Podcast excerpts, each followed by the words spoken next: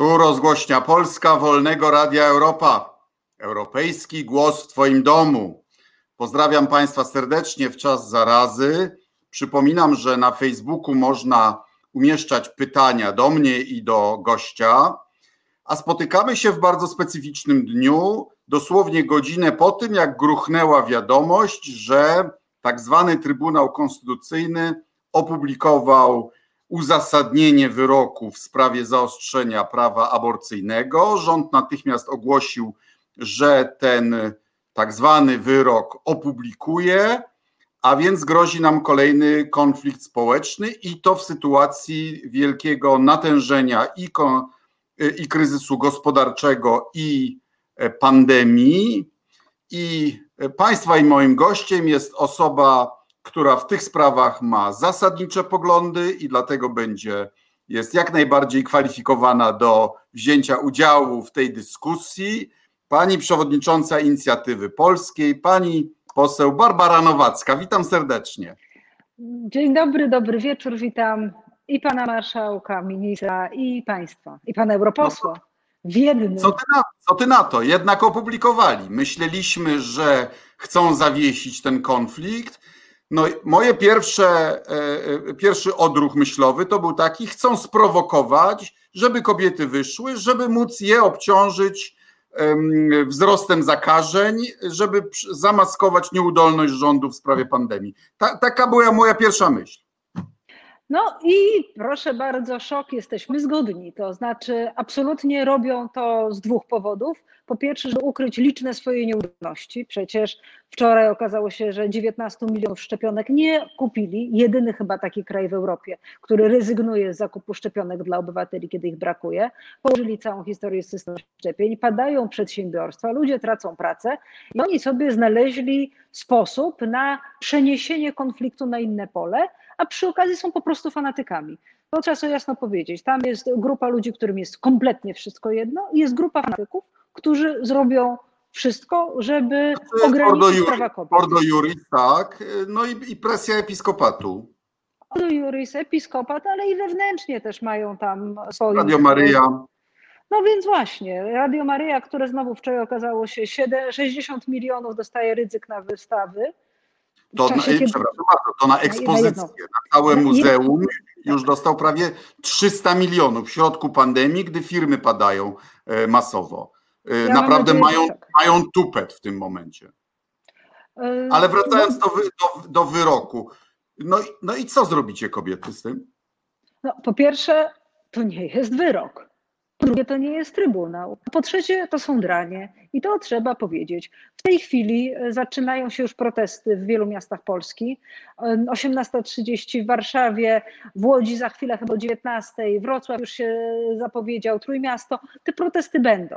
E, trzeba też powiedzieć sobie, że ten tak zwany wyrok będzie ważny tak długo, jak oni są władzy.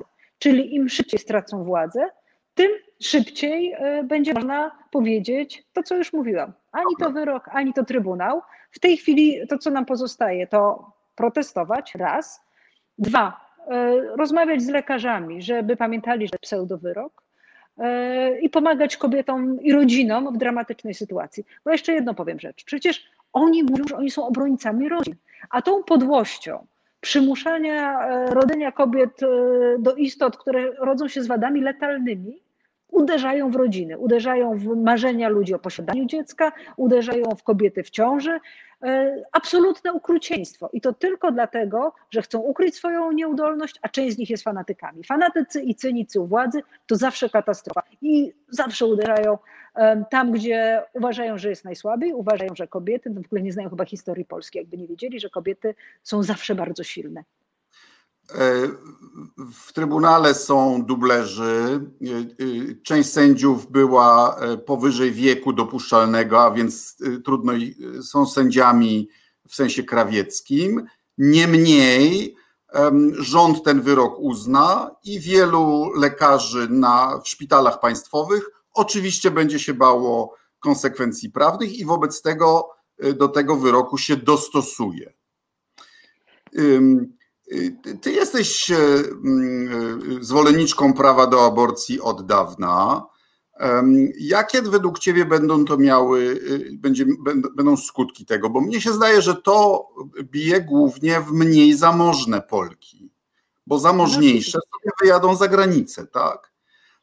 I, I, u nas w Kujawsko-Pomorskim strajkowało Nakło, strajkował Szubin, Byt, w Bydgoszczy była gigantyczna i to zwykłe dziewczyny, takie, którym, którym po prostu, które się poczuły zagrożone tym, że się je teraz będzie zmuszało do heroizmu, tak?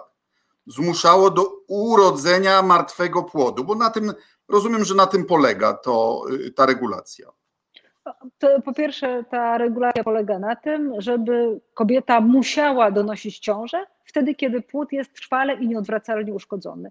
Więc wszystkie wady e, naprawdę, to są rzeczy, o których też ciężko się mówi, jeżeli się widziało e, chociażby zdjęcia, rozmawiało z kobietami, które rodziły istoty bez czaszki, e, które rodziły istoty bez kończyn, z organami wewnętrznymi na zewnątrz i patrzyły na śmierć. Teraz do tego będą przymuszone po prostu Polki, te tysiąc aborcji rocznie w Polsce, to doskonale wiemy, że to nieprawdziwa dana, że znacznie więcej Polek dokonuje aborcji. Ja jestem, ja jestem zwolenniczką prawa do aborcji. Uważam, że to powinna być decyzja kobiety, nie państwa. Obowiązkiem państwa jest danie jej narzędzi, nie tylko jej, bo całemu otoczeniu, rodzinie, partnerowi, mężowi, do dobrej antykoncepcji, dobrej edukacji seksualnej, czego przecież w Polsce brakuje, bezpiecznej, legalnej aborcji i spokoju w podjęciu tej decyzji. Ale, I wiadomo, ale, że jeżeli się. Ale, ale chwila, moment, bo doprecyzujmy. Um, no bo jest stanowisko, że brzuch moja sprawa i wobec tego absolutne prawo kobiety w, każdej, e, w każdym czasie. Czy akceptujesz, że jednak w momencie, gdy płód już byłby zdolny do samodzielnego życia, to już wtedy nie jest do końca e, e, wyłącznie sprawa kobiety? I czy wobec tego widzisz tutaj kontynuum rozwijania się praw płodu? Ja jestem zwolenniczką takich przepisów, jakie obowiązują w większości krajów europejskich, czyli do 12 tygodnia z każdej przyczyny kobieta może podjąć tę decyzję. Co też pamiętać, że w przypadku zagrożenia zdrowia i życia, nadal w Polsce, nawet pomimo tego wyroku, tej granicy nie ma. E, bo ratowanie zdrowia i życia powinno być prymatem e, dla lekarza, zdrowie i życie kobiety.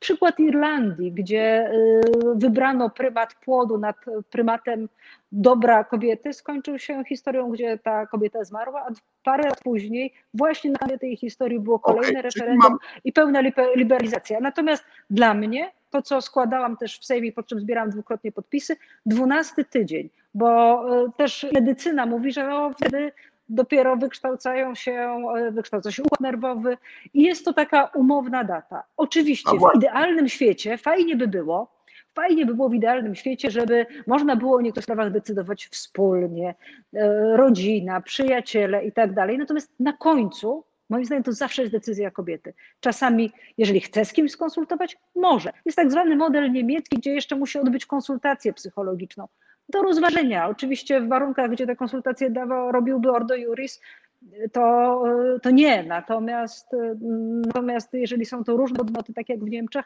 jest to ok. Natomiast na końcu uważam, że to decyzja każdej kobiety. I ale do 12 tygodnia. Ale do 12 tygodnia. Tu gdzieś trzeba postawić granicę i tą normą europejską jest 12 tydzień i uważam, że to jest słuszne e, postawienie sprawy. A potem, w momencie, kiedy się pojawiają wady letalne, no to wiadomo, że można tę aborcję dokonać znacznie później, ale no to już są sytuacje brzegowe, bo przecież nie widać wielu wad e, na poziomie 12 tygodnia, ale na poziomie 16, tylko no to jest też kwestia e, takiego humanitaryzmu i wyboru z cierpieniem i czyim. Czy dbamy o dostan kobiety, rodziny, czy stawiamy prymat płodu, który na przykład rodzi się bez, bez, bez głowy, nie będzie zdolny do życia. No, myślę, że nawet y, głęboko wierzący chrześcijanie mogą mieć tutaj poważne wątpliwości e, moralne. Fanatycy nie mają żadnych. Natomiast każdy zdroworozsądkowy człowiek mówi, niech kobiety podejmą decyzję.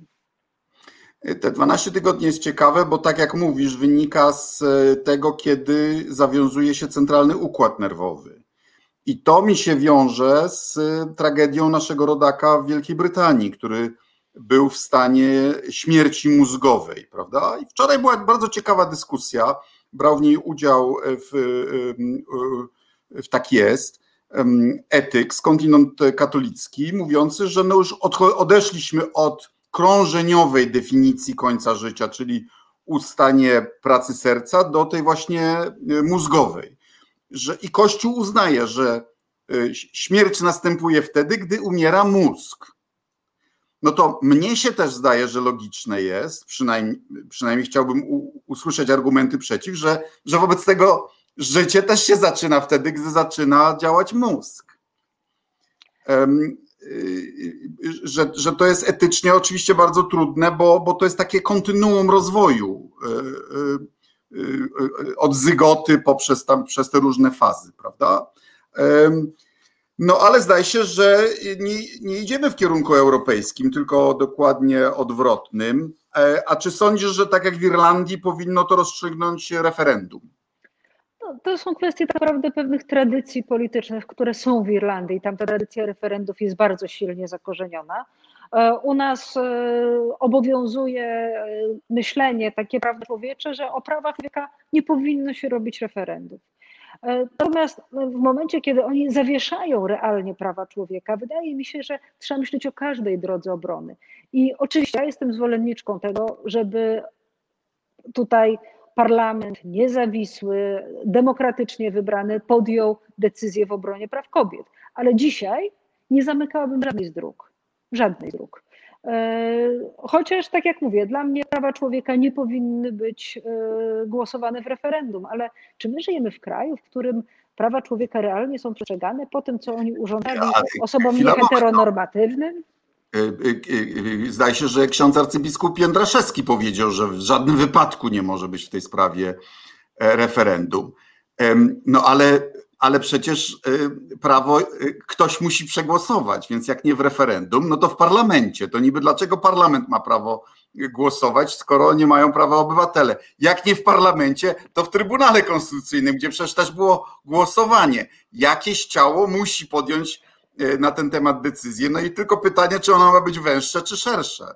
Wiesz, ja, ja, też mam same wątpliwości, bo jeżeli patrzę na to, w jaki sposób wybierane są te ciała przedstawicielskie i w jaki sposób to nie trzyma żadnych norm. Ten pseudotrybunał, ja już pomijam, że tam są dulerzy, tam są czynni politycy e, albo czynni przed paroma miesiącami.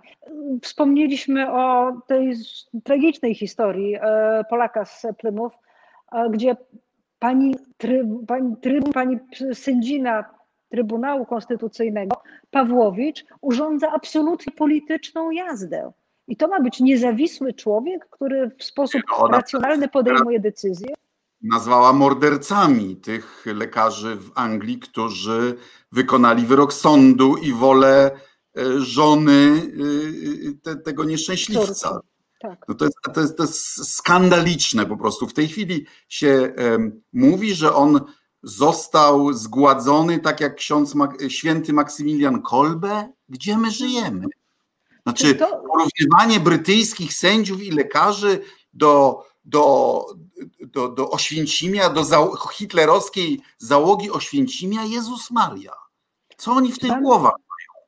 Dla mnie to jest, bo to, że fanatycy gdzieś tam zawsze w jakiejś niszy opowiadają takie głupoty, to można byłoby uznać y, za jakieś takie bestialskie skrajności. Natomiast jeżeli to wypowiadają tego typu z siebie słowa, pan Lecki, E, w imieniu episkopatu, pani Pawłowicz, e, sędzia Trybunału Konstytucyjnego, przepraszam, jakoś nie jestem w stanie mówić poważnie o ciele, e, liczni politycy PiS, no to pokazuje, że my nie możemy toczyć racjonalnego sporu, który ty proponowałeś o etykę, o początek życia, o jego koniec, tylko dla nich wszystko jest narzędziem walki i to użytym w bardzo prymitywny sposób do konstruowania swojego politycznego świata, w którym wszyscy są wrogami, a oni są jedynymi obrońcami prawa, sprawiedliwości i życia. Przy to narzędzie wszyscy... walki ze zgniłym Zachodem. Znamy to. Znaczy, w, w do rzeczy już był artykuł, że tylko Rosja może nam za, e, zacho- pomóc zachować wartości a Zachód jest zgniły, bo niesie laicyzację, więc jest wrogiem. Znaczy, to jest powtórka.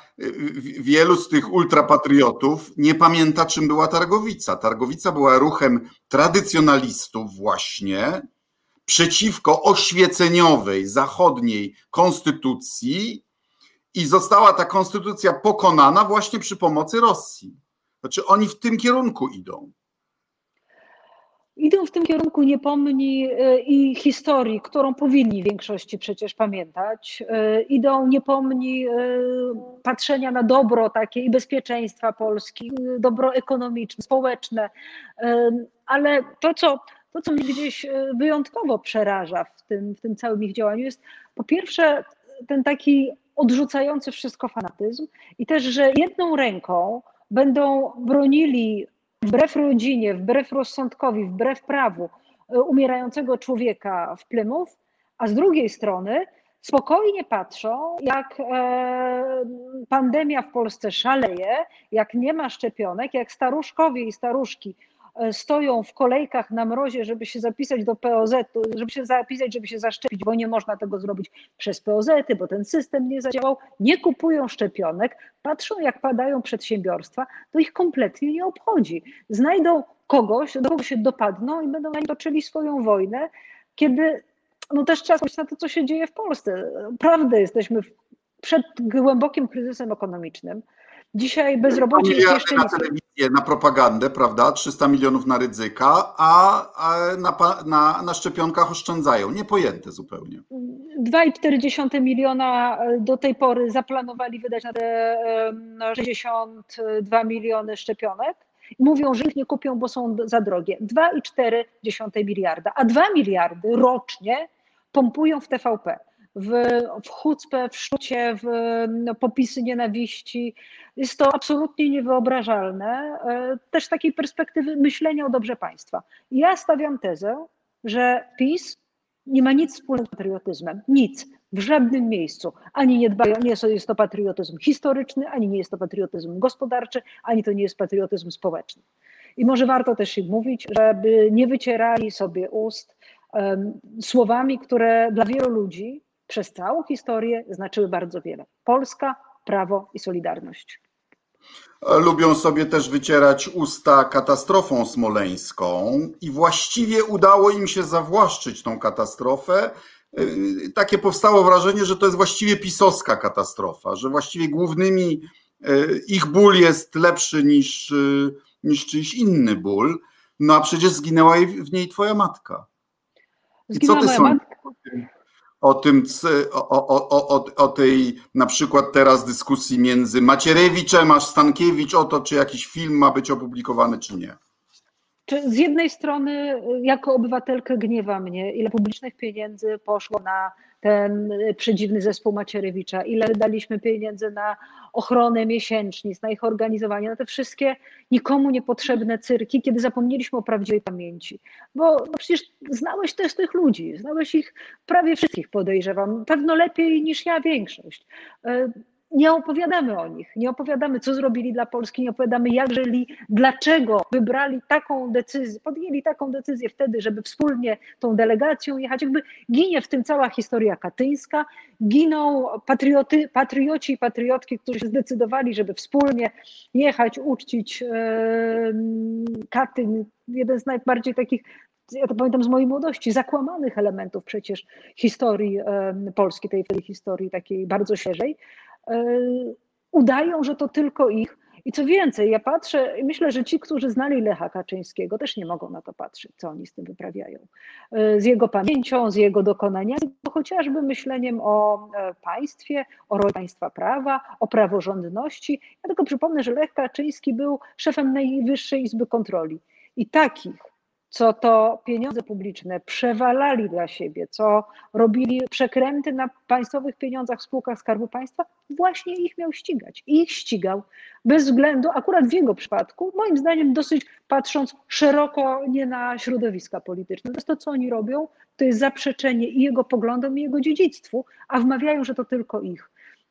My mamy fundację imienia mojej matki, wiele innych rodzin też organizuje. Rodzina e, Jolanty Szymanek-Deresz organizuje turnieje tenisa, rodzina Jerzego Szmajdzińskiego stypendia organizowała. E, te rzeczy są.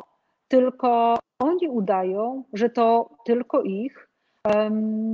A jak się też spojrzy na, na praprzyczyny, to, to te praprzyczyny są niestety też w dużej mierze ich, ale tego nie chcę powiedzieć. Właśnie, co ty uważasz? Jaka była przyczyna e, katastrofy?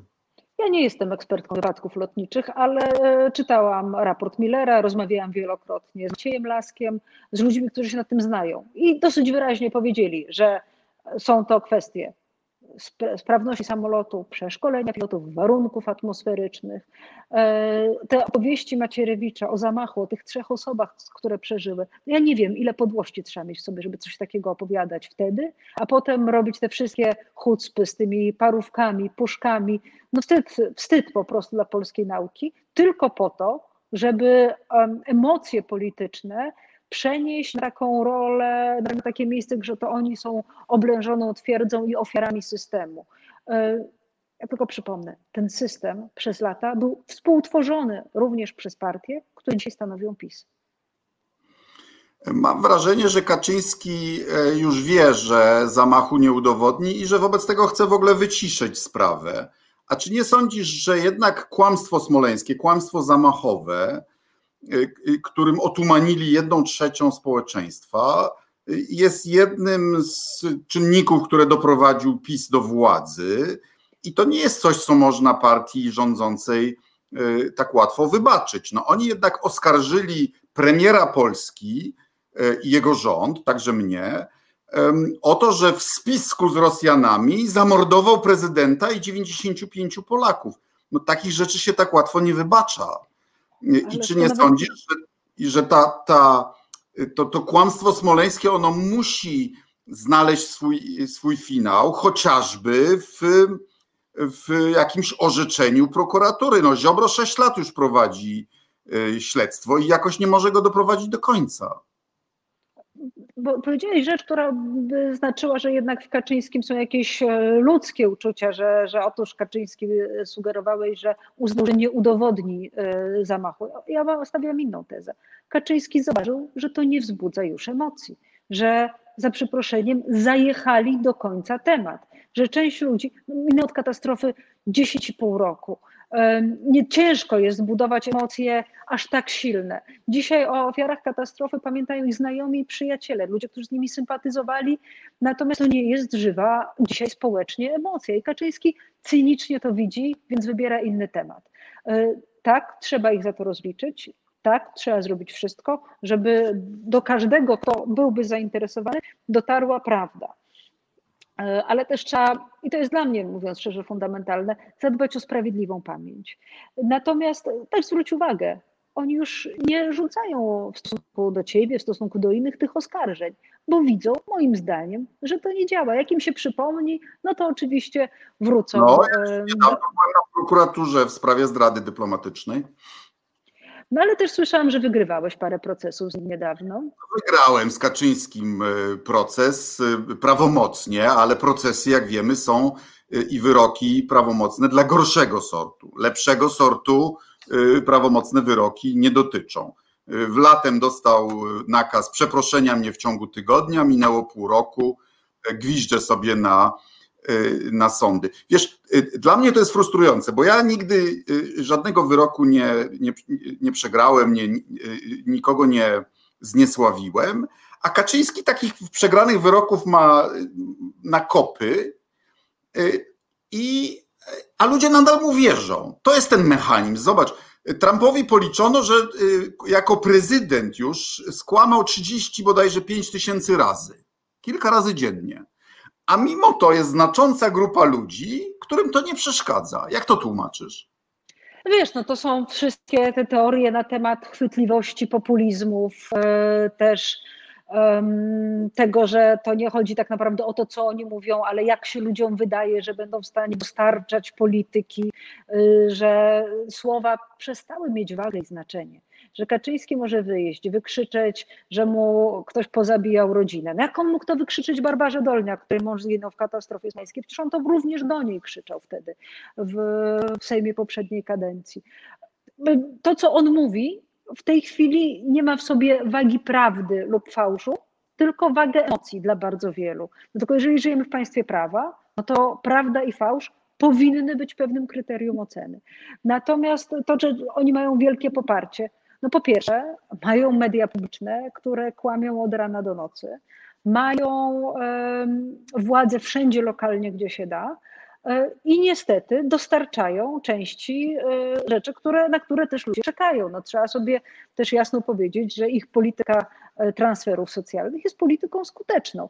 I to byłaby dobra polityka, gdyby ona miała realnie na celu wsparcie ludzi, a ona ma na celu wyłącznie wykształcenie w sobie wyborców. I tak jak ja jestem zwolenniczką takich rozwiązań jak 500, jak większe emerytury, to w ich wykonaniu y, też widzę duże wypaczenie, duży fałsz tego. Chociaż no tu kończąc, uważam, że 500 plus będzie utrzymane, bo jest dobrym pomysłem. Notabene nie ich, tylko Pawła Kowala też przecież, e, o ile wiem, to w poniedziałek się widzisz, we wtorek tak. jakoś tak na dniach.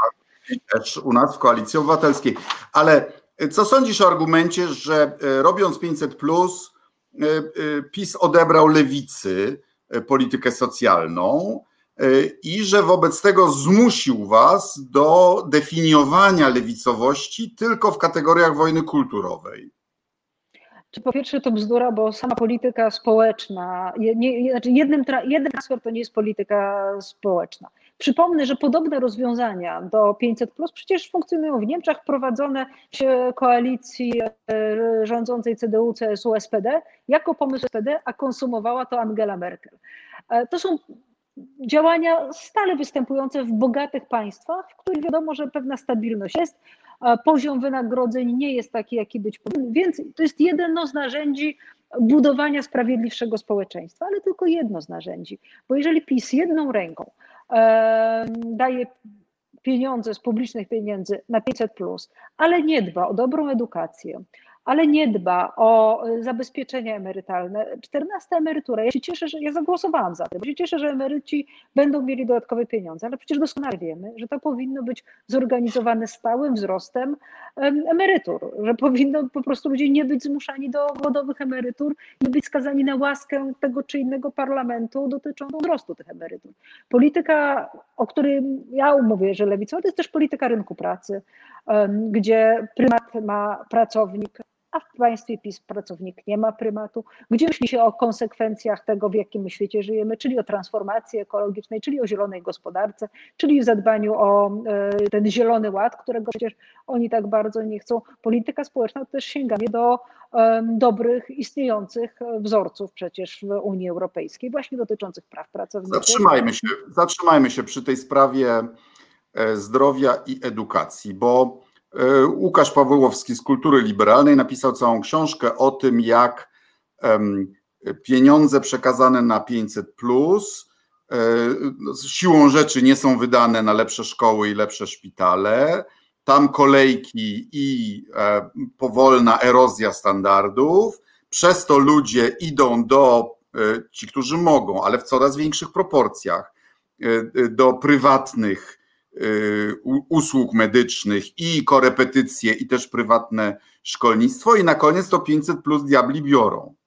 Tylko czy sądzisz, że w Polsce można wygrać argumentem, że lepiej dla ludzi byłoby wydać te, y, te pieniądze, które mamy na politykę społeczną, wspólnie na lepsze usługi, niż do kieszeni? Bo do kieszeni jednak jest cholernie politycznie wydajne jest politycznie wydajne i mówiąc szczerze, w wielu przypadkach bardzo się sprawdza. To znaczy efekt tego, jak wiele dzieciaków wyjechało wreszcie na wakacje za 500 plus, absolutnie jest.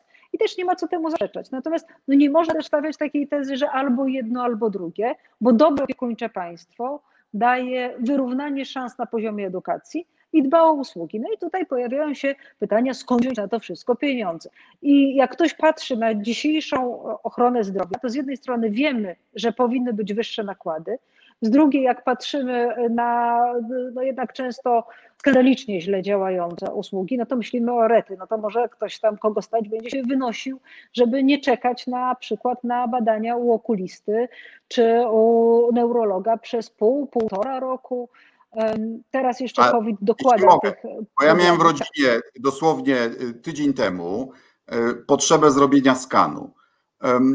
No i wchodzi tam ten członek mojej rodziny i tam jest ta, stoi ta gigantyczna maszyna, bardzo nowoczesna, ale zapisy są dopiero na za miesiąc, mimo że tam ta maszyna, tam, tam jest pusto, tam nie ma kolejki. I, I, gdy się y, y, dopytałem o co chodzi, to się okazało, że po prostu taki szpital ma limity. Tyle, y, tyle NFZ zapłaci za tam ileś tych skanów w, w miesiącu. Czyli maszyna mogłaby skanować, ludzie potrzebują, a, a, a problemem są czasem stosunkowo nieduże pieniądze. Znaczy, to nie wydaje mi się dobry sposób organizacji pracy tego szpitala. No ale to nie jest też kwestia organizacji szpitala, tylko organizacji NFZ-u, gdzie niektóre procedury wycenione są w sposób idiotyczny i też warto byłoby się zastanowić, czemu ta czy inna procedura jest wyceniana na aż tak kosztowną, a inna, e, inna nie. I myślę, że to ciekawe zajęcie mogłoby być, ale no widzieliśmy, co się działo przy respiratorach. Nawet jak był sprzęt, kupili w końcu respiratory, nie te od handlarza bronią, ale, ale pojawiły się respiratory w szpitalach, no to okazało się, że na przykład e, nie ma ich gdzie podłączyć bo trzeba byłoby dać pieniądze na dostosowanie szpitala, a szpital musi związać koniec z końcem. jeżeli, ja też rozumiem e, osoby kierujące szpitalem, że jeżeli mają do wyboru um, przearanżować, zapłacić za przebudowę kolejną sali, czy wydać na realne leczenie, wybiorą realne leczenie. I znowu, trzeba by większych nakładów, no trzeba zastanowić, z czego trzeba było zejść. I mhm. szczególnie w sytuacji takiej kryzysowej, no trochę wydatków które widzimy, są wydatkami absurdalnymi. To nie chodzi tylko o to TVP, no ale e, budujemy CPK. Słuchaj, byłeś ministrem obrony, znasz się na tym. Po co? Po co nam coś no, takiego? Znasz się też na sprawach.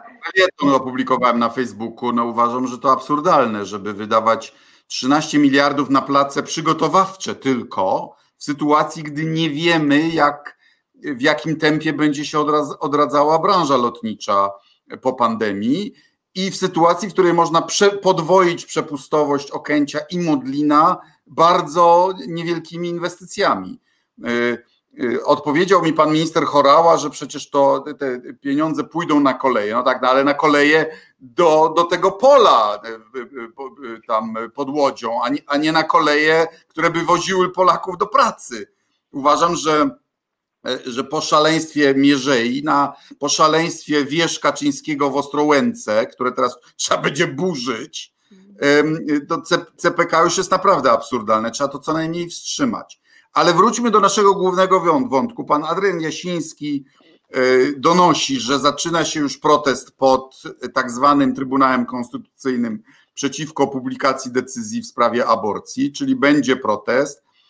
Wejdziecie tym razem do kościołów? Ja y, uważam, że do kościołów wchodzą wierni, jeżeli mają ochotę. Ja jestem osobą niewierzącą. Ja mam pretensje, nie pretensje, ja mam wściekłość do polityków, którzy urządzają sobie igrzyska kosztem, tak jak zresztą żeśmy na początku rozmawiali, najuboższych i najsłabszych kobiet, kobiet w sytuacji kryzysowej i brzegowej. Bo, bo to, co trzeba jasno powiedzieć, jeżeli dowiaduje się dziewczyna, że jest w ciąży, w której to ciąży płód ma wadę letalną, nie przeżyje, będzie umierał w niesamowitych cierpieniach, to jest w sytuacji brzegowej. I oni na niej sobie urządzają polityczne igrzyska. To jest decyzja osób wierzących. Ja tu jestem bardzo rygorystyczna. Jeżeli wierzysz, to zastanów się, czy chcesz to wierzyć i chcesz uczestniczyć w tym, co ci funduje dzisiaj Twój Kościół. Protesty przed kościołami gniew taki rozumiem. Ja nie zachęcałam nikogo do wejścia do kościoła. Raczej bym powiedziała, nie podoba ci się to, przestań uczciwie w tym uczestniczyć. Czyli politycy dala trzymajcie się od kościołów. Nie chcemy ani Kaczyńskiego na ołtarzu, e, ani Zambony. Ani Emilowicz.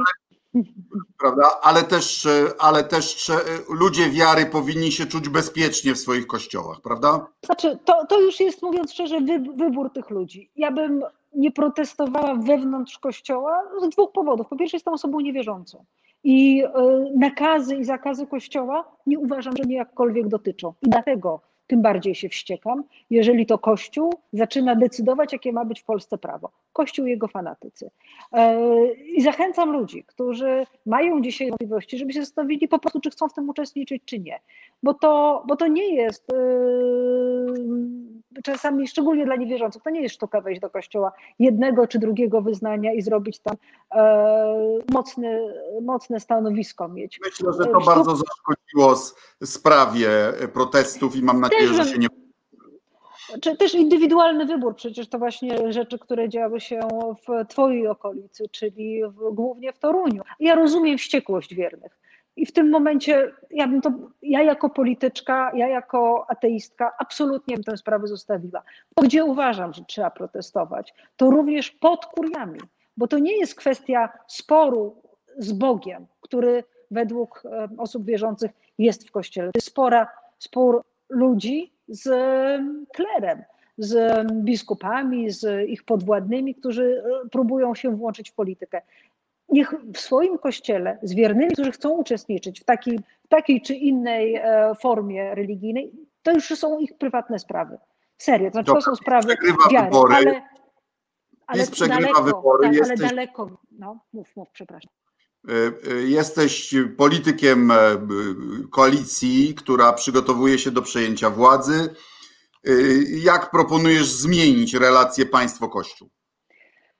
No więc na dzisiaj natychmiast skończyć finansowanie, znaczy po pierwsze opodatkować Kościół, nie finansować... W jakim sensie opodatkować? E, no, e, Taca już jest opodatkowana w tym sensie, że jest bodajże ryczałt, który się płaci za ilość wiernych w parafii ale jest to rzecz bardzo uznaniowa, to jednak trzeba do tego podejść poważnie. Nikomu się nie płaci za, za ryczałt osób, które być może skorzystają z jego usług. Ja nie słyszałam, żeby restauracje były w ten sposób rozliczane albo organizacje pozarządowe. Traktujmy Kościół jako organizację pozarządową, czym de facto jest. I według tych samych kryteriów powinni się rozliczać jako organizacje pozarządowe. To jest raz. Dwa, nie ma żadnego uzasadnienia, żebyśmy z publicznych pieniędzy płacili za lekcje religii w szkołach. Naprawdę, to znaczy to konkordat tego też nie obejmuje. Ja osobiście uważam, że konkordat w ogóle w tej formie e, jest dokumentem niekorzystnym dla Polski. I jeżeli by to ode mnie zależało, proponowałabym renegocjację konkordatu. Mm, być może w ogóle z rozwiązaniem Ale tego typu umowy. Jak sama mówisz, wiele z rzeczy, które niektóry, które które mm, stały się kontrowersyjne, nie jest w konkordacie. Nie. To prawda, na przykład. Wypowiedzenie konkordatu jest bardzo proste. Wystarczy nota MSZ-u. Ale to jest akt symboliczny. Większość rzeczy, o których mówisz, takie jak finansowanie religii, czy w ogóle ilość religii w, w, w szkołach, podporządkowanie księdza w szkole, y, y, y, podstawa programowa nauczania religii, pieniądze dla ryzyka, fundusz kościelny. Tego wszystkiego nie ma w konkordacie. No absolutnie nie ma. To znaczy jedyne co jest, to jest autonomia Kościoła w nauczaniu, nauczaniu religii. No tylko w momencie, kiedy dyrektor szkoły nie ma kontroli nad tym, co jakie treści są przekazane. Ale nie, moment, bo ja ci zadaję pytanie, czy chcesz wypowiadać konkordat, czy chcesz zdejmować nadwyżkę nad konkordatem? No, bo dlatego podawałam w kolejności. Na dzisiaj, doskonale znając realia, zaczęłabym od y, kwestii finansowych i kwestii związanych z religią w szkole.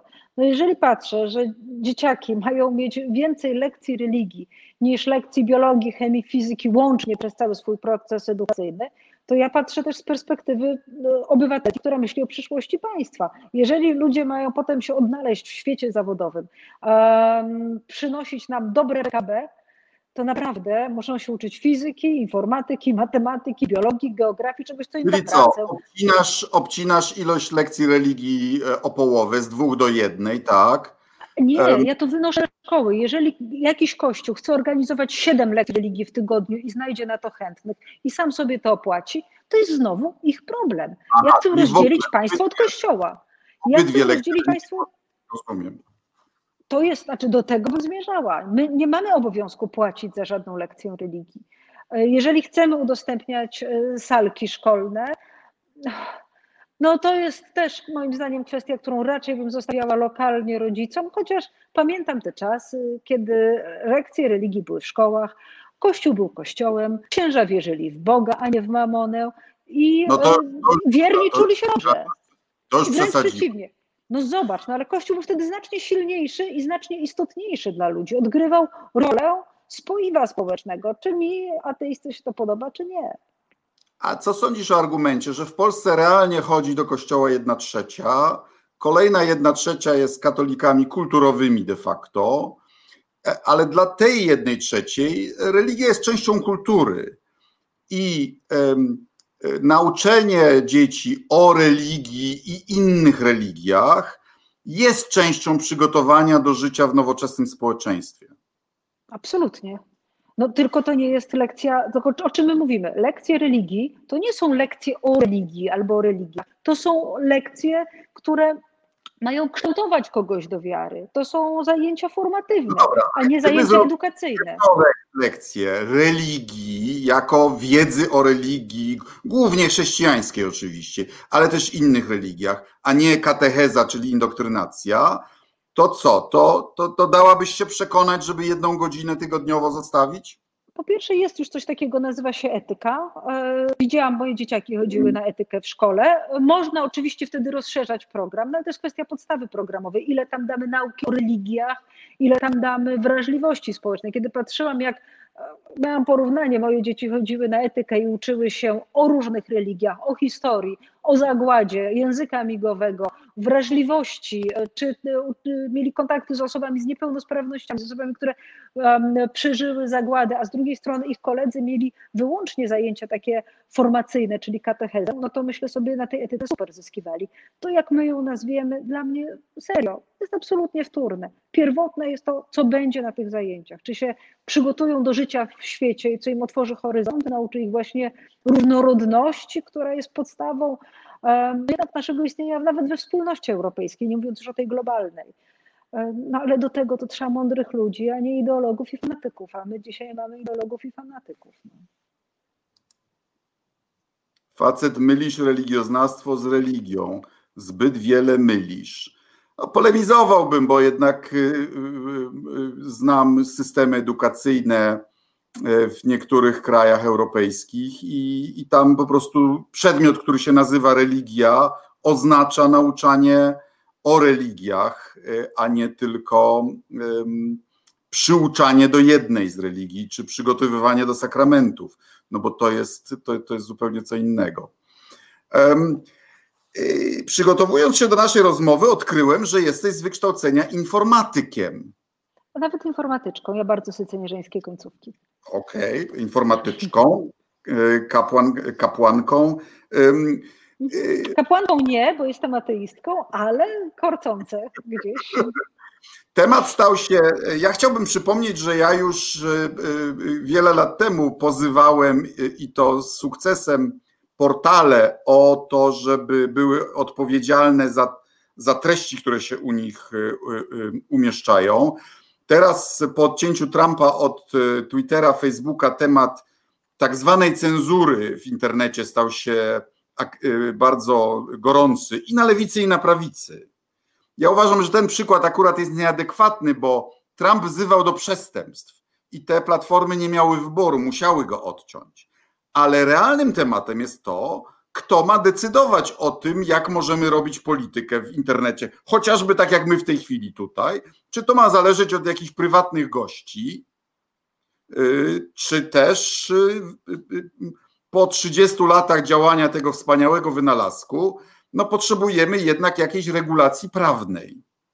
I ja uważam, że minister Ziobro, który próbuje to na szczeblu narodowym uregulować, że mu się to nie uda, że jedynym miejscem na świecie tak naprawdę jest Unia Europejska. No bo Chiny tego nie zrobią, już to mają uregulowane na, na swój sposób, prawda? Tak. Iran się odciął, Rosja się odcięła, w Stanach Zjednoczonych te firmy już de facto przejęły kongres, mają tych kongresmenów w kieszeni, więc jedynym miejscem, gdzie to można zrobić dla dobra publicznego, y, jest Unia Europejska. Co sądzisz?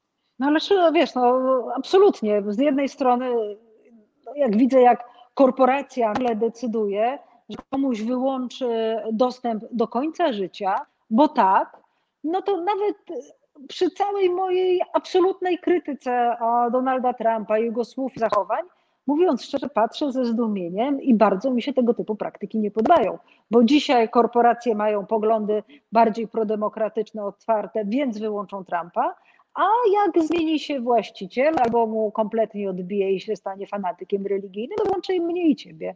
No to Oj, czy my mamy się godzić na taką samą wolę? Chwila, moment. Nie do końca się z Tobą tu zgadzam. Korporacje oczywiście są motywowane dobrem swoich akcjonariuszy i, i chcą zarabiać. I stworzyły te algorytmy w taki sposób, żeby one nas absorbowały żebyśmy na tym Facebooku czy Twitterze siedzieli jak najdłużej. I odkryły, że mózg jest nasz tak okablowany, że siedzimy tym dłużej, im bardziej się ze sobą kłócimy, im więcej jest agresji. Problemem jest sam kształt algorytmu. Są już bardzo ciekawe doświadczenia na Tajwanie i gdzie indziej. Można zmodyfikować algorytm tak, aby on zachęcał do rzetelnej dyskusji abyśmy sobie nie rzucali się sobie do gardeł. I to już nie jest prywatna kwestia tych gości, bo ja sobie zadaję pytanie, czy oni zdążą zniszczyć demokrację, zanim demokracja ich ureguluje? Wiesz, to oczywiście nie jest prywatna sprawa tych gości i dlatego to po prostu ciało którym jest Unia Europejska. To pełna zgoda, no nikt inny tego nie zrobi, bo nie jest tak szerokim ciałem, z tak dużym mandatem i jednak takim, taką wielką odpowiedzialnością za, za całokształt e, przynajmniej naszej części świata. Unia Europejska tę odpowiedzialność ma. Ma też możliwości e, wielkiego wpływu. No i wiadomo, że to jest jedyne miejsce faktycznie, gdzie dałoby się tego typu dylematy uregulować z jednej strony jest taki genialny film, nie wiem czy widziałeś, e, może Państwo też jeśli widzieli na Netflixie Gini 2020. Tam o tym algorytmie też jest mowa, gdzie pojawia się taka postać um, informatyka, który właśnie opowiada właściciela korporacji, że oni ten algorytm napuszczania na siebie ludzi skrócą do e, sześciu tygodni bodajże. Pan Kosson e, nam podpowiada, dylemat społeczny na, na Netflixie, tak się nazywa. Na tak, ten to, to inny. Ja mówię o. To, to, jest dokumentalny, bardzo tak, dobry. Tak. Widziałem, polecam. Też obejrzę w takim razie, natomiast ja mówiłam o filmie Death 2020. E, e, to jest raczej satyra, natomiast są tam wątki absolutnie bieżące. I z jednej strony oczywiście jestem absolutną zwolenniczką wolności słowa. Uważam, że jeżeli nawet ktoś mówi największą bzdurę, naszym obowiązkiem jest się z nią konfrontować, bo jeżeli zamkniemy oczy i uszy, oddajemy im pola.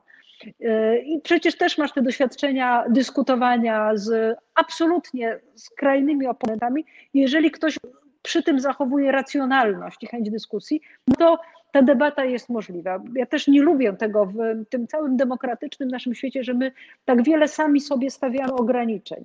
Może czasami dobrze jest zmierzyć się z kontrowersyjną tezą, z niepopularnymi słowami, yy, tylko po to, żeby nie oddać tak wielkiego pola populizmowi.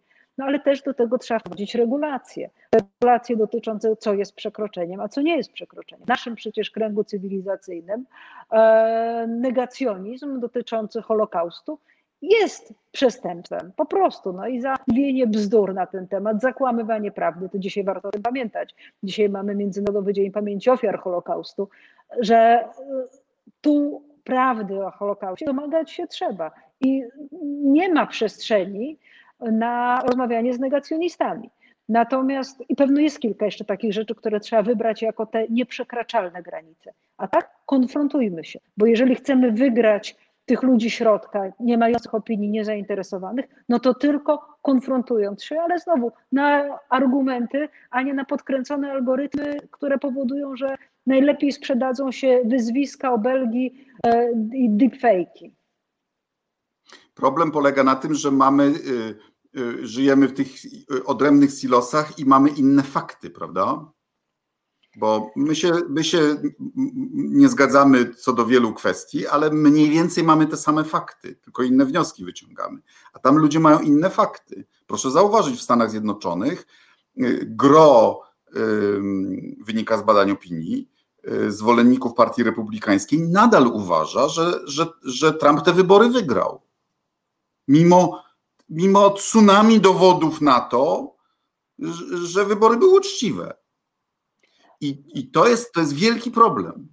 I no tak, ale to jest też pytanie o to, do, jak długo z nimi dyskutować. Zobaczmy za rok. Wiesz, zobaczmy za rok, na ile da się do części ludzi dotrzeć z, z prawdą i faktami.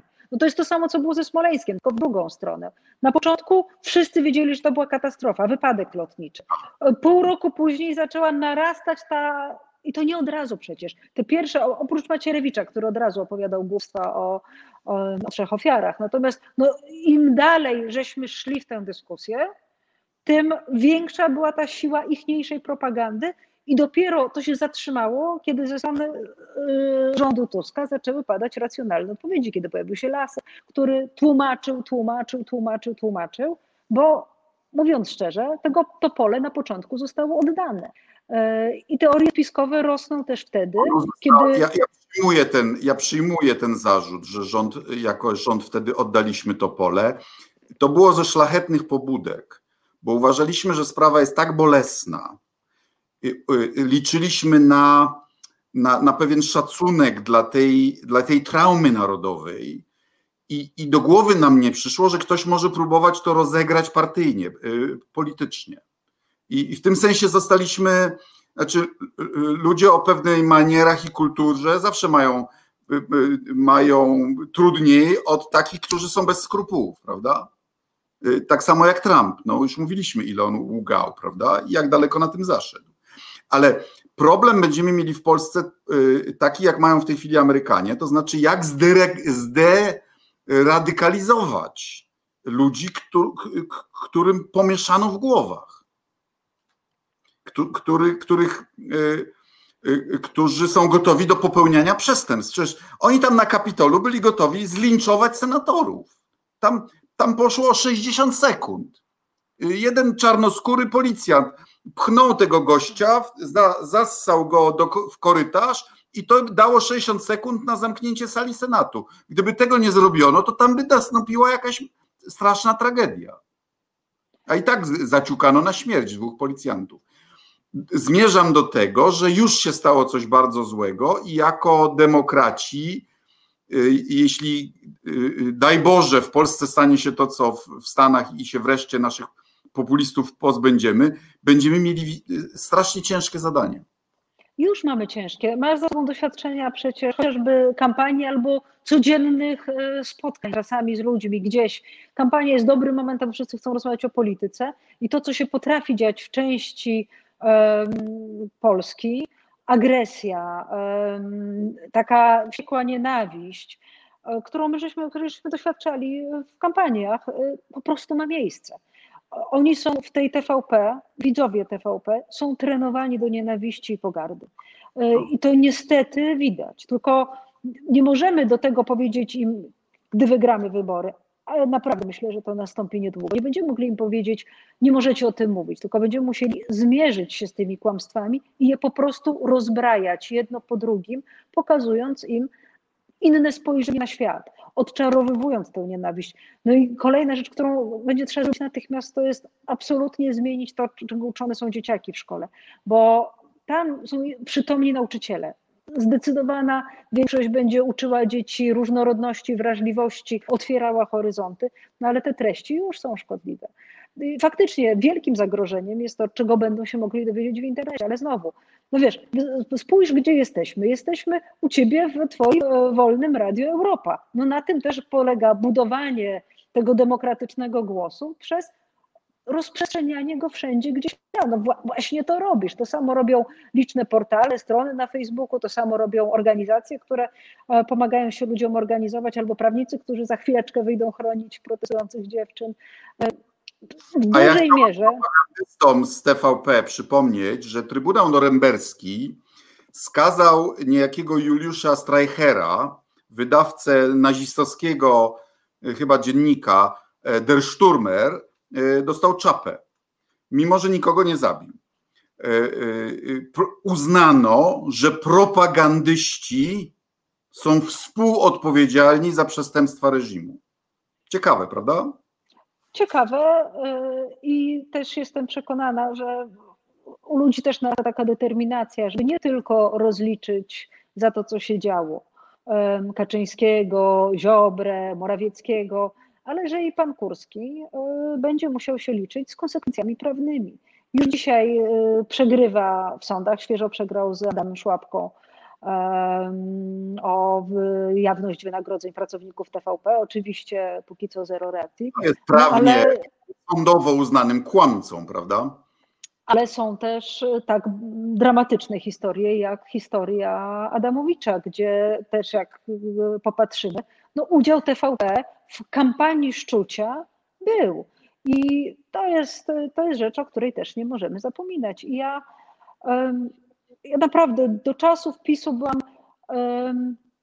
człowiekiem znacznie bardziej koncyliacyjnym niż jestem w tej chwili, bo kiedy widzę, co robią, co robią z tym, co było jedną z takich, takich, który dla każdego chyba jest jedną z takich najdroższych, czyli rozwój Polski, jej zmienianie się, otwartość. Ja się urodziłam w komunie, pamiętam jak było źle, szaro, chociaż byłam dzieciakiem, widziałam brak wolności słowa, widziałam e, stan wojenny, represje, poczucie beznadziei i opresji dominujące i potem nagle Polska zaczęła się świetnie rozwijać, a potem przyszli ludzie, którzy znowu zabierają kraj dla siebie.